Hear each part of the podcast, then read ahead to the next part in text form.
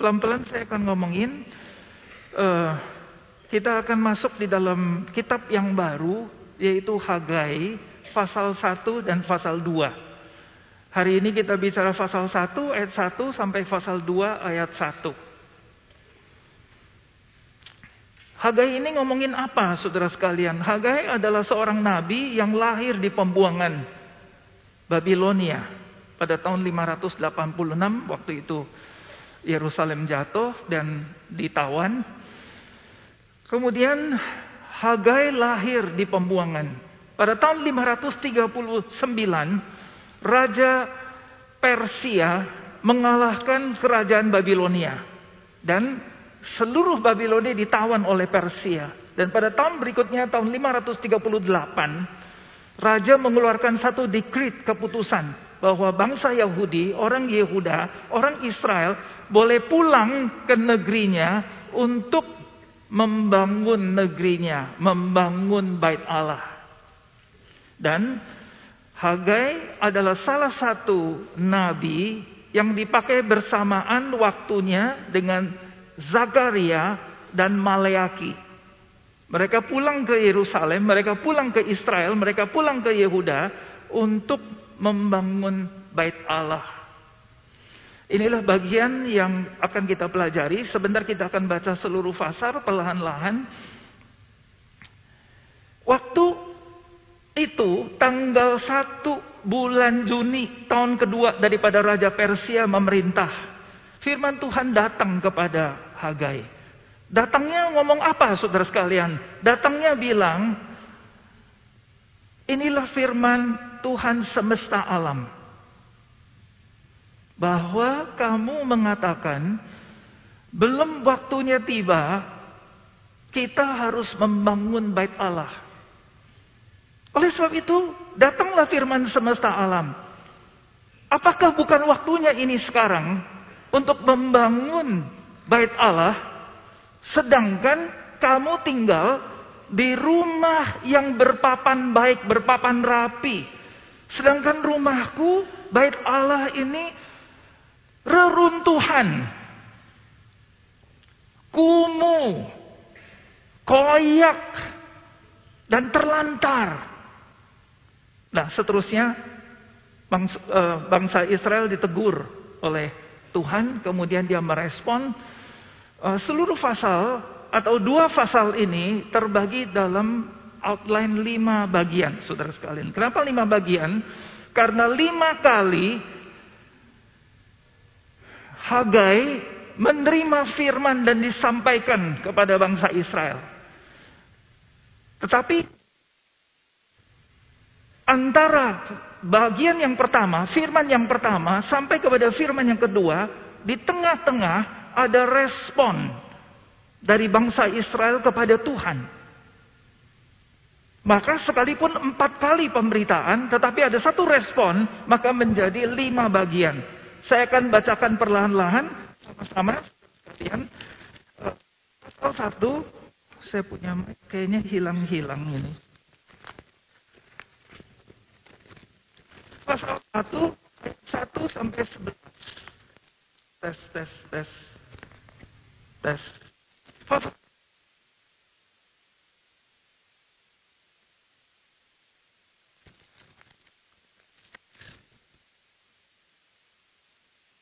Saya takut sekali.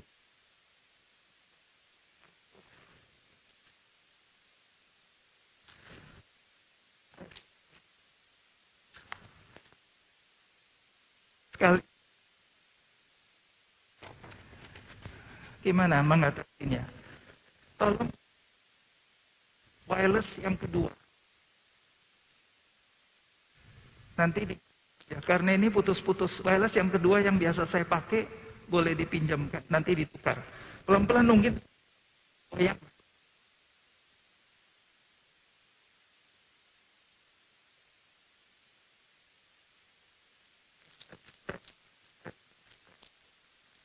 Tes, tes, tes, tes, tes, tes. Oke, lanjut. Bagian pertama, pasal 1 ayat 1 sampai 11 adalah panggilan introspeksi, evaluasi.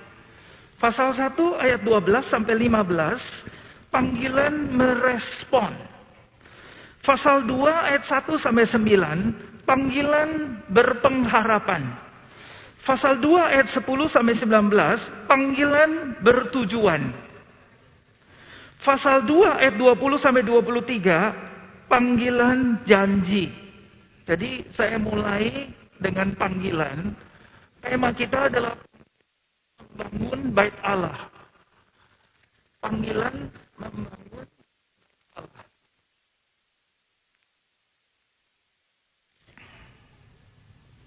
Maka ada lima panggilan, saudara sekalian, di dalam panggilan membangun bait Allah adalah panggilan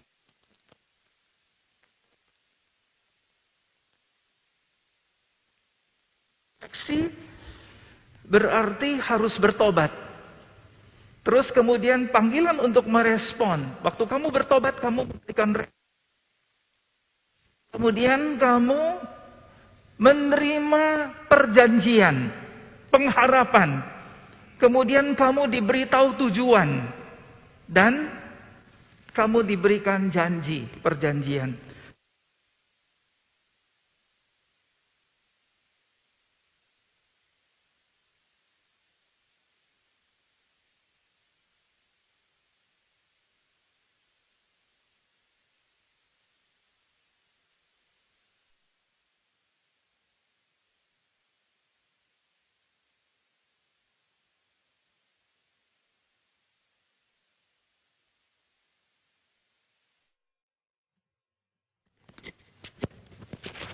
Nggak apa-apa, saudara sekalian, pasti bisa. Pasti ada jalan keluar. Ini lebih bagus ya. Uh, Hagai pasal 1 ditayangkan ayatnya.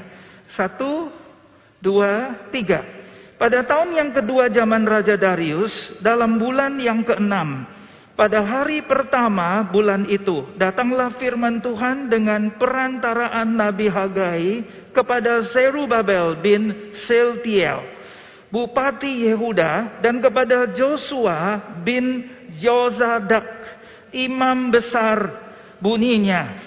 Beginilah firman Tuhan semesta alam.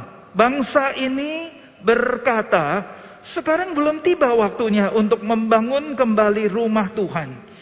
Maka datanglah firman Tuhan dengan perantara Nabi Hagai bunyinya. Apakah sudah tiba waktunya bagi kamu untuk mendiami rumah-rumahmu yang dipapani dengan baik, sedangkan rumah Tuhan ini tetap menjadi reruntuhan? Oleh sebab itu, beginilah firman Tuhan semesta alam: perhatikanlah keadaanmu kamu menabur banyak tetapi membawa pulang hasil sedikit. Kamu makan tetapi tidak sampai kenyang. Kamu minum tetapi tidak sampai puas. Kamu berpakaian tetapi badanmu tidak sampai panas. Dan orang yang bekerja untuk upah, ia bekerja untuk upah yang ditaruh dalam pundi-pundi yang berlubang. Beginilah firman Tuhan semesta alam. Perhatikanlah keadaanmu. Jadi naiklah ke gunung, bawalah kayu dan bangunlah rumah itu. Maka aku akan berkenan kepadanya dan akan menyatakan kemuliaanku di situ firman Tuhan. Kamu mengharapkan banyak tetapi hasilnya sedikit. Dan ketika kamu membawanya ke rumah, aku mengembuskannya. Oleh karena apa? Demikianlah firman Tuhan semesta alam. Oleh karena rumahku yang tetap menjadi reruntuhan. Sedang kamu masing-masing sibuk dengan urusan rumahnya sendiri.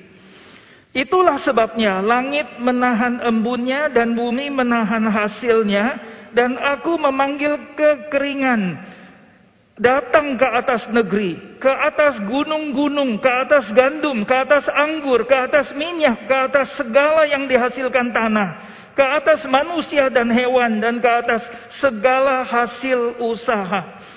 Lalu Serebabel bin Ziltier dan Joshua bin Yozedak, imam besar, dan selebihnya dari bangsa itu mendengarkan suara Tuhan Allah mereka.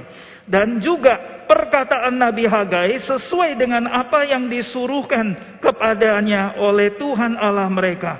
Lalu takutlah bangsa itu kepada Tuhan. Maka berkatalah Hagai, utusan Tuhan itu, menurut pesan Tuhan kepada bangsa itu demikian. Aku ini menyertai kamu. Demikianlah firman Tuhan. Tuhan menggerakkan semangat Serubabel bin Seltiel, Bupati Yehuda dan semangat Joshua bin Yozedak, imam besar dan semangat selebihnya dari bangsa itu. Maka datanglah mereka lalu melakukan pekerjaan pembangunan rumah Tuhan semesta alam Allah mereka. Pada hari yang ke-24 dalam bulan yang ke-6 sampai di situ saudara sekalian. Kita doa lagi sebentar boleh? Saya gugup saudara sekalian tadi karena gangguan tadi. Ya Tuhan, kami sudah baca firman-Mu. Bantu hambamu menyampaikan apa yang engkau berikan perlahan-lahan secara beraturan kepada setiap kami yang hari ini datang beribadah siap mendengarkan firman. Lupakan hambamu sehingga dia bisa konsentrasi sepenuhnya dan Tuhan menolong. Segala puji hormat untuk Tuhan. Demi nama Tuhan Yesus Kristus kami sudah doa sama-sama katakan amin. Jadi saudara sekalian Tuhan memakai Persia memberikan izin untuk pemimpin bangsa Israel pulang ke negeri. Yang satu adalah pemimpin politik Serubabel, yang satu adalah pemimpin agama untuk pulang ke Israel, ke Yehuda, ke Yerusalem untuk membangun kota dan bait Allah yang sudah ruin, sudah runtuh, saudara sekalian. Jadi uh, sebelum mereka balik, sebetulnya sudah dimulai pembangunan itu dimulai oleh pemimpin yang lain, tetapi karena serangan dari bangsa yang lain, karena banyak sekali halangan-halangan sehingga pembangunan ini menjadi berhenti 16 tahun. Dan sekarang waktu Serubabel dan Joshua balik akan memulainya lagi. Nah ini bagian yang sangat susah dimengerti saudara sekalian. Susah dihadapin. Kita minta Tuhan tolong di dalamnya. Jadi di sini nanti ada dua rumah. Satu rumah Tuhan atau bait Allah yang satu adalah rumah saya, rumah pribadi bangsa Israel, setiap rumah. Dan waktu dua rumah ini diperhadapkan, Tuhan mengatakan rumahku sudah reruntuh, sudah kumuh, sudah koyak, sudah rusak. Tidak ada bentuk wajah sebuah rumah Allah. Terakhir saudara sekalian, bait Allah dibangun oleh Raja Sulaiman. Pada waktu itu Raja Sulaiman bangsa Israel diserang oleh Babilonia. Kemudian bait Allah dihancurkan habis-habisan saudara sekalian. Dan seluruh bangsa kesebar. Dibawa ke tempat pembuangan yaitu di Babilonia. Dan sekarang Tuhan mau hidupkan kembali. Bait Allah bagi bangsa Israel merupakan simbol negara. Merupakan jantungnya iman Israel. Saya ulangi kembali, bait Allah bagi bangsa Israel merupakan simbol bangsa dan negara dan merupakan jantung dari iman kepercayaan bangsa Israel kepada Yahweh, Allah yang esa, yang datang hadir di bait Allah setiap hari, setiap saat Waktu anak-anak Tuhan, bangsa Israel datang berbakti. Bahkan dikatakan akan menjadi bait Allah untuk seluruh bangsa di dunia. Saudara sekalian. Itu yang waktu Tuhan Yesus membersihkan bait Allah dua tiga kali. Dua kali, tiga kali itu saudara sekalian. Tuhan menegur kenapa baitku menjadi sarang penyapun. Sedangkan baitku adalah tempat berdoa bangsa-bangsa di dunia. Nah, di sini waktu diperhadapkan dengan satu pilihan bangsa Israel ditegur. Jadi yang pertama kamu harus mengevaluasi. Teguran yang pertama kamu mengadakan evaluasi.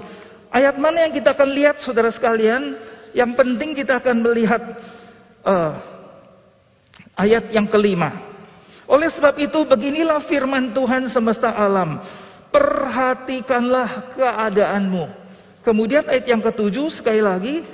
Beginilah firman Tuhan semesta alam, perhatikanlah keadaanmu. Ini satu teguran dalam bahasa Inggris dikatakan supaya kamu perhatikan jalanmu. Dalam terjemahan bahasa Mandarin diterjemahkan perhatikanlah kelakuanmu. Dalam terjemahan bahasa Alkitab, saudara sekalian, yang mengatakan letakkanlah hatimu di jalanmu. Letakkanlah hatimu di jalanmu. Latar belakang orang-orang di dunia barat mengukur segala sesuatu dengan logika, dengan reason, dengan rasional. Orang-orang barat mengukur dengan rasional, dengan logika. Orang-orang timur kita mengukur segala sesuatu dengan hati. Maka bagaimana saudara sekalian letakkanlah hatimu di jalanmu. Artinya melihat kamu punya tindak tanduk, kamu punya sikap seperti apa di hadapan Tuhan. Maka mereka akan menemukan saudara sekalian, apa yang mereka lakukan itu di hadapan Tuhan.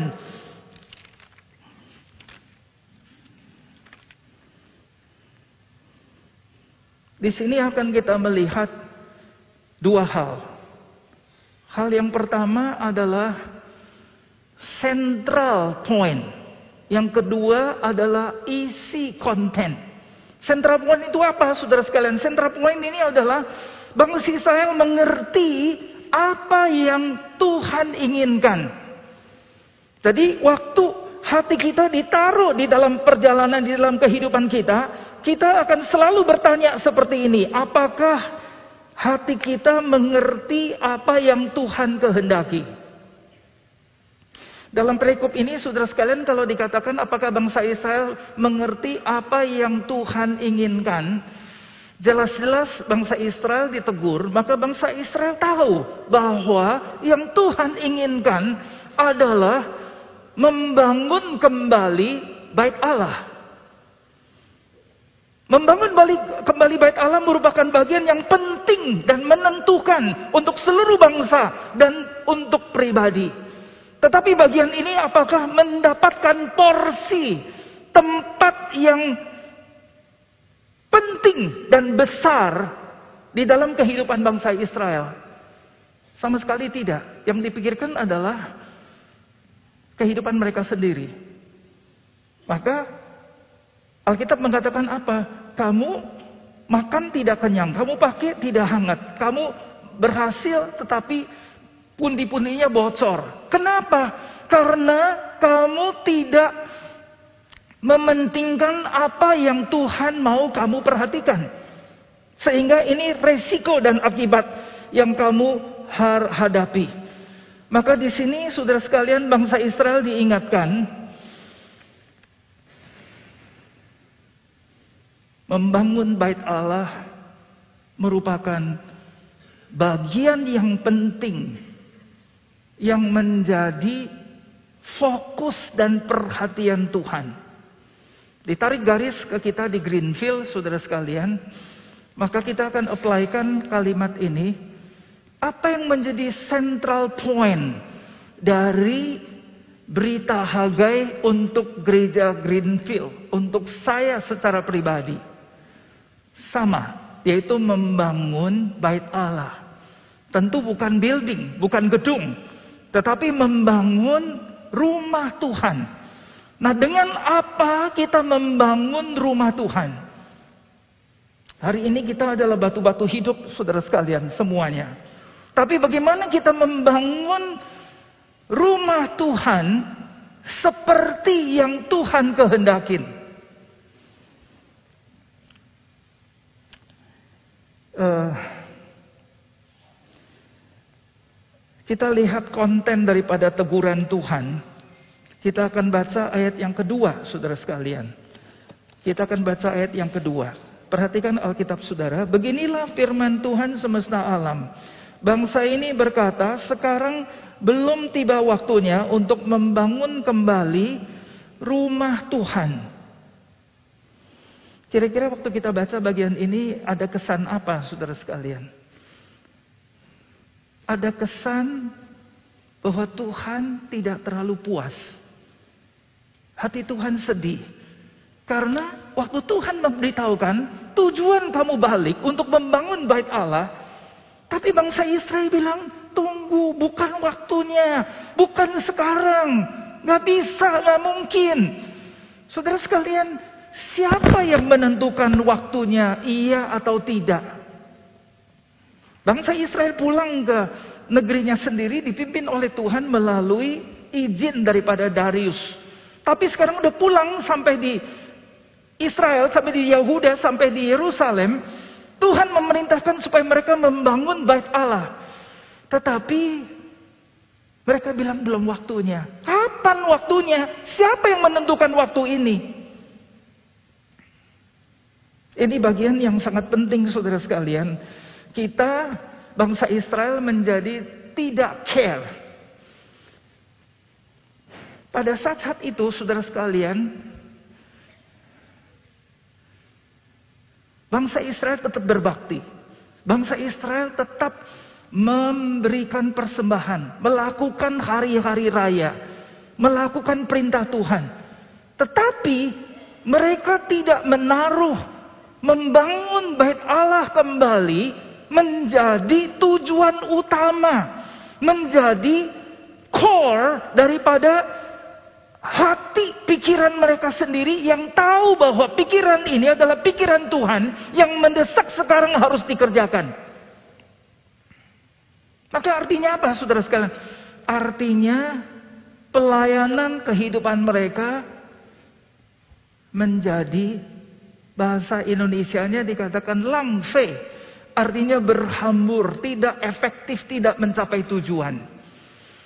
Tadi dalam puji-pujian, saudara sekalian, kita diselamatkan untuk tujuan. Kita bukan diri kita sendiri. Kita diberikan penebusan, diberi hidup yang kekal untuk tujuan. Tujuannya apa, saudara sekalian? Untuk bangsa Israel di sini, yaitu untuk membangun bait Allah. Tetapi bangsa Israel tidak melakukan hal ini. Jadi Bangsa Israel miss the point. Miss the mark. Kehilangan target tujuan yang Tuhan mau pada saat itu. Maka ditarik garis ke tempat kita hari ini, saudara sekalian. Kita harus memikirkan kembali apa yang menjadi passion daripada Tuhan, apakah juga menjadi passion core di dalam hidup kita. Ada satu kali pemerintah Hong Kong, ada seorang pejabat mengeluarkan kalimat yang seperti ini, saudara sekalian. Sampai hari ini diingat-ingat dan saya baca bagian itu. Dia bilang apa, saudara sekalian? Ji seming suo ji, xiang suo xiang. Artinya apa? Pemerintah harus punya passion seperti yang dimiliki oleh rakyat. Pemerintah harus banyak memikirkan apa yang dipikirkan oleh rakyat. Maka waktu kalimat ini diucapkan oleh seorang pejabat, disambut oleh seluruh Hong Kong, saudara sekalian. Sampai hari ini masih diingat-ingat. Maka kalimat itu di-apply kepada orang-orang Yehuda di Yerusalem. Maka bangsa Israel harus mempunyai passion seperti yang dimiliki oleh Tuhan. Harus memikirkan pikiran yang dipikirkan oleh Tuhan. Dan kalau apply kepada gereja Greenfield sekarang mulai dari musuh dan kita semua, maka kita harus mempunyai passion seperti yang Yesus Kristus punyai dan memikirkan apa yang Yesus Kristus pikirkan. Ini bagian yang saya terus ragu-ragu, saudara sekalian. Kenapa ragu-ragu? Karena saya coba berusaha dari waktu ke waktu untuk mengungkapkan dan menyampaikan. Tapi kayaknya saya nggak dapat respon atau saya rasa waktunya nggak tepat, saudara sekalian. Saudara ingat waktu yang lalu hampir tiap kali saya sampaikan apa? Tuhan Yesus berjanji bahwa apa yang dia lakukan, orang yang percaya kepadaku akan melakukan juga hal yang dilakukan oleh Yesus, bahkan lebih besar. Saudara ingat pasal 14 ayat 12 mulai ayat itu. Kemudian satu waktu saya gumulin mungkin saya salah ngomongnya. Jadi saya ngomong sendiri tiap hari, tapi saya hampir udah tidak pernah ngomong. Dan kali ini membaca bagian ini lagi, saudara sekalian, saya diingatkan. Pada waktu-waktu yang seperti ini, apakah waktu yang tepat?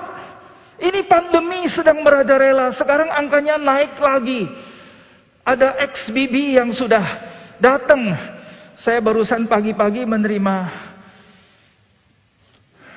WA bilang si A meninggal karena COVID-19. Hati saya sedih, saudara sekalian. Terakhir ini saya menerima banyak berita atau mengingatkan. Apa yang diingatkan bahwa waktu Tuhan sudah dekat. Bahkan dalam hitungan hari, saudara sekalian. Memang kita tidak percaya, Tuhan Yesus pun mengatakan tidak. Tidak menunjukkan tahun, tidak menunjukkan hari. Tetapi tanda-tanda zaman memberikan satu indikasi bahwa waktu kedatangan Tuhan sudah dekat di ambang pintu. Dengan berbagai macam sudut pandang baik itu dari sisi perekonomian, dari sisi politik, dari sisi bencana, dari sisi sakit penyakit, dari sisi hati manusia yang sudah boykot kepada Tuhan. Saya kemudian memikirkan saudara sekalian, kalau kembali kepada kis, ke kisah Kejadian pasal 6, Tuhan berfirman kepada Nuh dan kemudian mengatakan, "Pergi memberitakan Injil bahwa air bah akan datang." Diberi waktu 120 tahun, Saudara sekalian. Ada berapa orang yang bisa merespon dan bertobat? Sampai akhir pasal 6 itu memberitahukan bahwa 120 tahun memberitakan Injil, tidak satu orang pun yang merespon. Terakhir hanya Nuh dengan istri, ketiga anak dan ketiga mantu. Nggak ada orang lain. Jadi diberi waktu 120 tahun, akhirnya pun tidak tercapai. Saya coba apply ke zaman ini. Sambil melihat situasi yang sedang terjadi. Apakah mungkin Tuhan perpanjang waktunya. Kenapa? Kita gereja ngemis kepada Tuhan. Tuhan jangan datang sekarang. Karena kalau datang sekarang kita belum siap. Banyak pekerjaan yang belum kita kerjain. Lihat keluarga saya. Lihat orang-orang di sekitar saya. Lihat rekan saya. Belum percaya, hatinya keras. Kasih waktu sedikit lagi supaya mereka bisa bertobat dan percaya. Saudara sekalian, apa artinya membangun Bait Allah dalam konteks gereja GKY Greenfield adalah melakukan pekerjaan-pekerjaan yang menjadi passionnya Tuhan Yesus. Kita coba uji sebentar, saudara sekalian. Uji Musa dan uji kita semua. Bagaimana kita mengujinya, saudara sekalian? Apa yang menjadi passionnya Yesus Kristus? Apakah ada di dalam hati kita? Berhenti sejenak. Apa yang kita pikirin tiap hari, saudara sekalian? Tadi waktu kita baca, saudara sekalian, bagian ini mengatakan apa? Uh,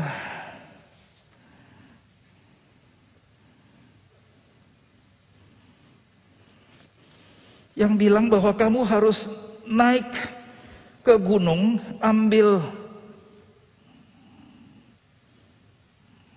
ayat berapa itu? Ayat kedua, datanglah ayat tiga, ayat empat. Apa artinya ini, saudara sekalian?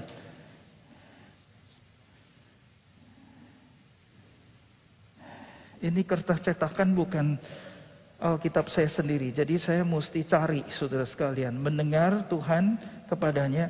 Yaitu kamu harus ambil Bawalah kayu dan bangunlah rumah ini. Aku akan kamu akan ayat 8. Jadi naiklah ke gunung, bawalah kayu dan bangunlah rumah ini. Aku akan berkenan kepadanya dan akan menyatakan kemuliaanku di di situ firman Tuhan.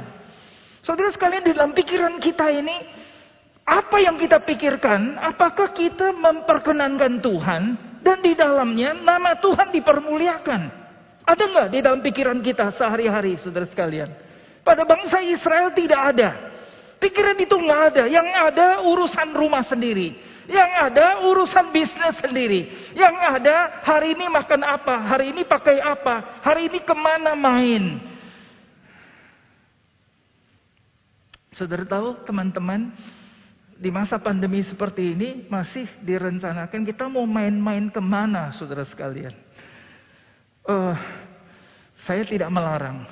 Tapi di dalam situasi yang seperti ini, saudara sekalian, ada satu teman dia langsung WA kepada saya, Musa tolong doakan saya, saya sudah memburuk keadaannya ini. Ini sekarang lagi bangkit, lagi naik angkanya. Bahkan tadi pagi saya dengar ada yang sudah meninggal.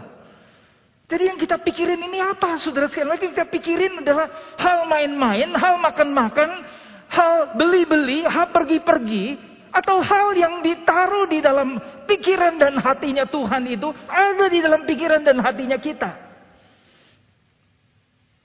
Di sini bangsa Israel diperintahkan, naiklah ke gunung, bawalah kayu, bangunan rumah ini, maka aku berkenan kepadanya dan akan menyatakan kemuliaanku di situ firman Allah. Buat bangsa Israel bangun bait Allah, saudara sekalian. Buat kita, apakah pemikiran ini, bawalah kayu-kayu, bangunlah rumah ini, bagaimana membangun gereja, membangun rumah Allah. Saya berkali-kali mengatakannya, baik di depan rapat atau secara pribadi, baik di lokal ataupun di sinode. Saya bilang, bangun gereja, bukan beli tanah bangun gedung. Beli tanah bangun gedung, terus pasang merek GKY itu untuk kemasyuran GKY. GKY sudah bangun satu gereja lagi. GKY sudah bangun satu pos lagi. Saudara sekalian, bukan begitu cara bangun gereja. Tanah yang mahal-mahal dibeli, saudara sekalian. Tapi kemudian nggak efektif, saudara sekalian. Tidak bertumbuh, tidak maju. Apakah begitu bangun gereja? Itu namanya kerjain project, kerjain program. Pakai dana yang dipersembahkan untuk melakukan aktivitas yang saya pikir itu baik. Terus kemudian nama saya ditempel di situ, nama gereja saya ditempel di situ. Maaf saudara sekalian, saya tidak bermaksud kepada siapa saja. Tapi saya lihat keadaan di seluruh GKY seperti ini. Coba kita balik kepada pasal 28. Matius saudara sekalian. Apa yang Tuhan Yesus katakan sebelum dia berangkat kembali? Apa yang dia katakan saudara sekalian? Pergilah jadikanlah bangsa-bangsa muridku. Baptislah mereka dalam nama Allah Bapa, Putra dan Roh Kudus dan ajarlah mereka apa yang kuajarkan. Saudara sekalian di dalam hati Tuhan, dia ingin kerajaan Allah dibangun di atas bumi Bukan dengan gedung, bukan dengan tanah, tapi dengan orang, saudara sekalian. Apa itu? Yaitu kita-kita yang sudah mengalami lahir baru, yang sudah mengalami diselamatkan, kita dipakai oleh Tuhan untuk mengerjakan. Jadi dalam pikiran kita, apakah kita punya pemikiran seperti ini? Berapa persen di dalam otak dan hati kita punya pemikiran seperti ini? Sejak hari pertama saya datang di Greenfield, saudara sekalian, ini yang menjadi perhatian yang terus saya pikirkan. Saya bawa ke dalam rapat, saya ngomongin kepada rekan-rekan. Saya bilang, jemaat kita begini banyak. Ada orang bisikin saya bilang, Musa, jemaatnya Greenfield sampai 5 ribu. Betul 5 ribu? Betul 5 ribu? Yuciang Toma. Cenda. Wah betul loh saudara sekalian. Itu pada manggut-manggut semua. Betul lima ribu saudara sekalian. Tentu tersebar di mana-mana, ya. Kalau dikumpulin 5000 tempat ini nggak cukup. Kemudian pertanyaan saya, orang-orang ini sudah diselamatkan belum? Sudah percaya betul-betul lahir baru belum? Maka sejak hari pertama saya datang, saya udah ngomongin hal ini. Termasuk pemuda-pemuda yang ada di depan yang duduk. Saudara sekalian, saya pernah memikirkan pemuda-pemuda ini. Mereka sudah diselamatkan belum? Mereka sudah lahir baru belum? Dan kita yang lain, mulai dari saya. Kalau tidak, saudara sekalian, ini gereja apa? Gereja ini dibangun supaya di dalamnya kita mengalami keselamatan. Supaya di dalamnya kita mengalami pembaharuan. Mengalami kepenuhan roh kudus dan dipakai oleh Tuhan. Bukan hanya ngumpul-ngumpul. Banyak orang angkanya tinggi. Terakhir saya dengar ada orang banding-banding. Kita ada pandemi, tapi kita angkanya paling tinggi. Sampai 1.300 orang. Saudara sekalian, saya yang saya pikirkan bukan berapa jumlah orang. Tapi yang saya pikirkan, berapa orang yang sudah lahir baru diselamatkan dan berapa orang yang qualified dianggap sebagai kerajaan Allah menjadi murid Yesus Kristus yang siap melakukan apa yang Yesus lakukan sehingga imannya, keselamatannya efektif, bisa berhasil, bisa berbuah, bisa berlipat-lipat ganda karena iman ini hidup. Tapi kalau enggak, kita jadi orang Kristen yang mati, saudara sekalian. Kita jadi orang Kristen lama tetapi mandek di dalam. Berapa orang yang kita sudah bawa? Bagaimana kita meresponin? Mulai dari keluarga saya, tetangga saya, rekan kerja.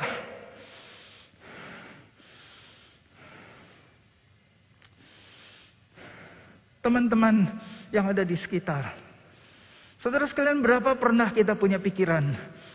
Mereka sudah kenal Tuhan belum? Sudah diselamatkan belum? Ini yang dimaksud saudara sekalian, bawalah kayu, bangunlah rumah ini untuk Greenfield. Untuk bangsa Israel waktu itu adalah bait Allah. Karena bait Allah menjadi sentral kehadiran Tuhan dan jantungnya iman Kristen. Tapi untuk kita hari ini, inilah bawalah kayu dan bangunlah rumah ini. Maka ini akan memperkenankan hati Tuhan. Kita minta Tuhan tolong. Jamnya sudah sampai, tapi saya harap beritanya sudah sampai. Uh, mau diomong-ngomongin outline-nya panjang, saya tidak akan run dengan outline. Tapi beritanya saya harap saudara nangkep. Saudara nangkep beritanya hari ini? Saudara nangkep? Saudara nangkep? Saudara nangkep? Saudara yang nangkep acungkan tangan. Saya stop langsung di sini. Tiga pertanyaan evaluasi. Pertanyaan apa saudara sekalian? Pertanyaan seperti ini. Apa artinya membangun kembali bait Allah untuk gereja Greenfield dan untuk Muse dan untuk setiap kita? Tadi sudah dijawab. Kita harus segera menata. Tadi doa kita di depan Tuhan bikin saya mengerti, setelah saya mengerti saya akan lakukan. Dan minta roh kudus menyertai. Karena roh kudus ada di dalam gereja ini. Dan roh kudus janji akan menyertai dan memakai kita. Itu yang mengirimkan berita kepada saya, saudara sekalian. Sampai ngomong dalam hitungan hari. Antara Oktober sampai November.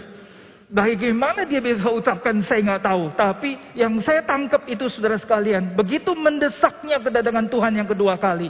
Saya nggak soal dia punya sudut pandang dari mana. Tapi yang saya pegang saudara sekalian. Sesuai dengan Matius 24. Sesuai dengan uh, Lukas pasal 21. Saya tahu Tuhan sudah dekat.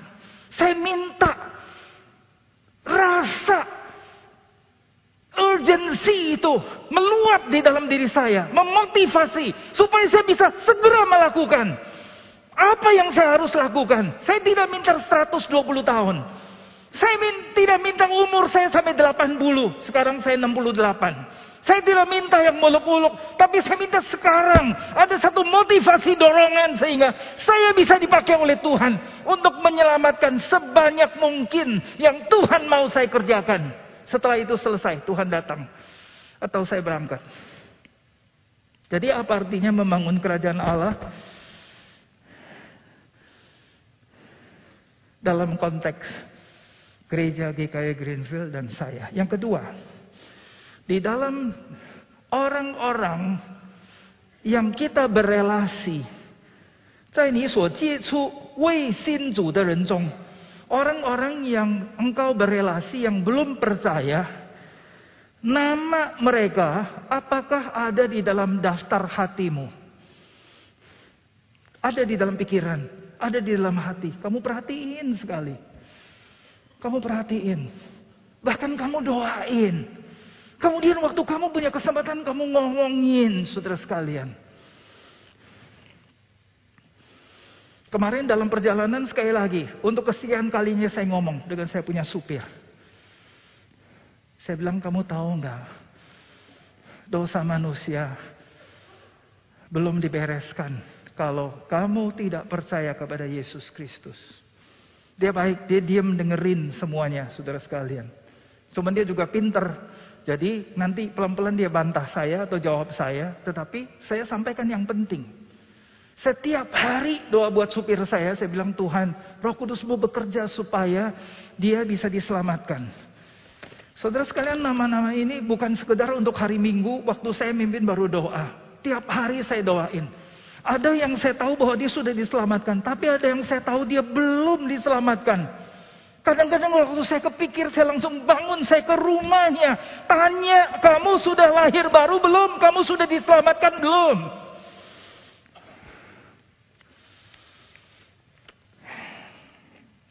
Yang ketiga, ni kan dafang de suo, wo 已经做主最要我做的事。kamu berani nggak secara terbuka belak-belakan ngomong, aku sudah sedang mengerjakan pekerjaan yang Tuhan mau saya kerjakan. Bagi bangsa Israel konteksnya bangun bait Allah. Tapi buat saya, apa itu saudara sekalian?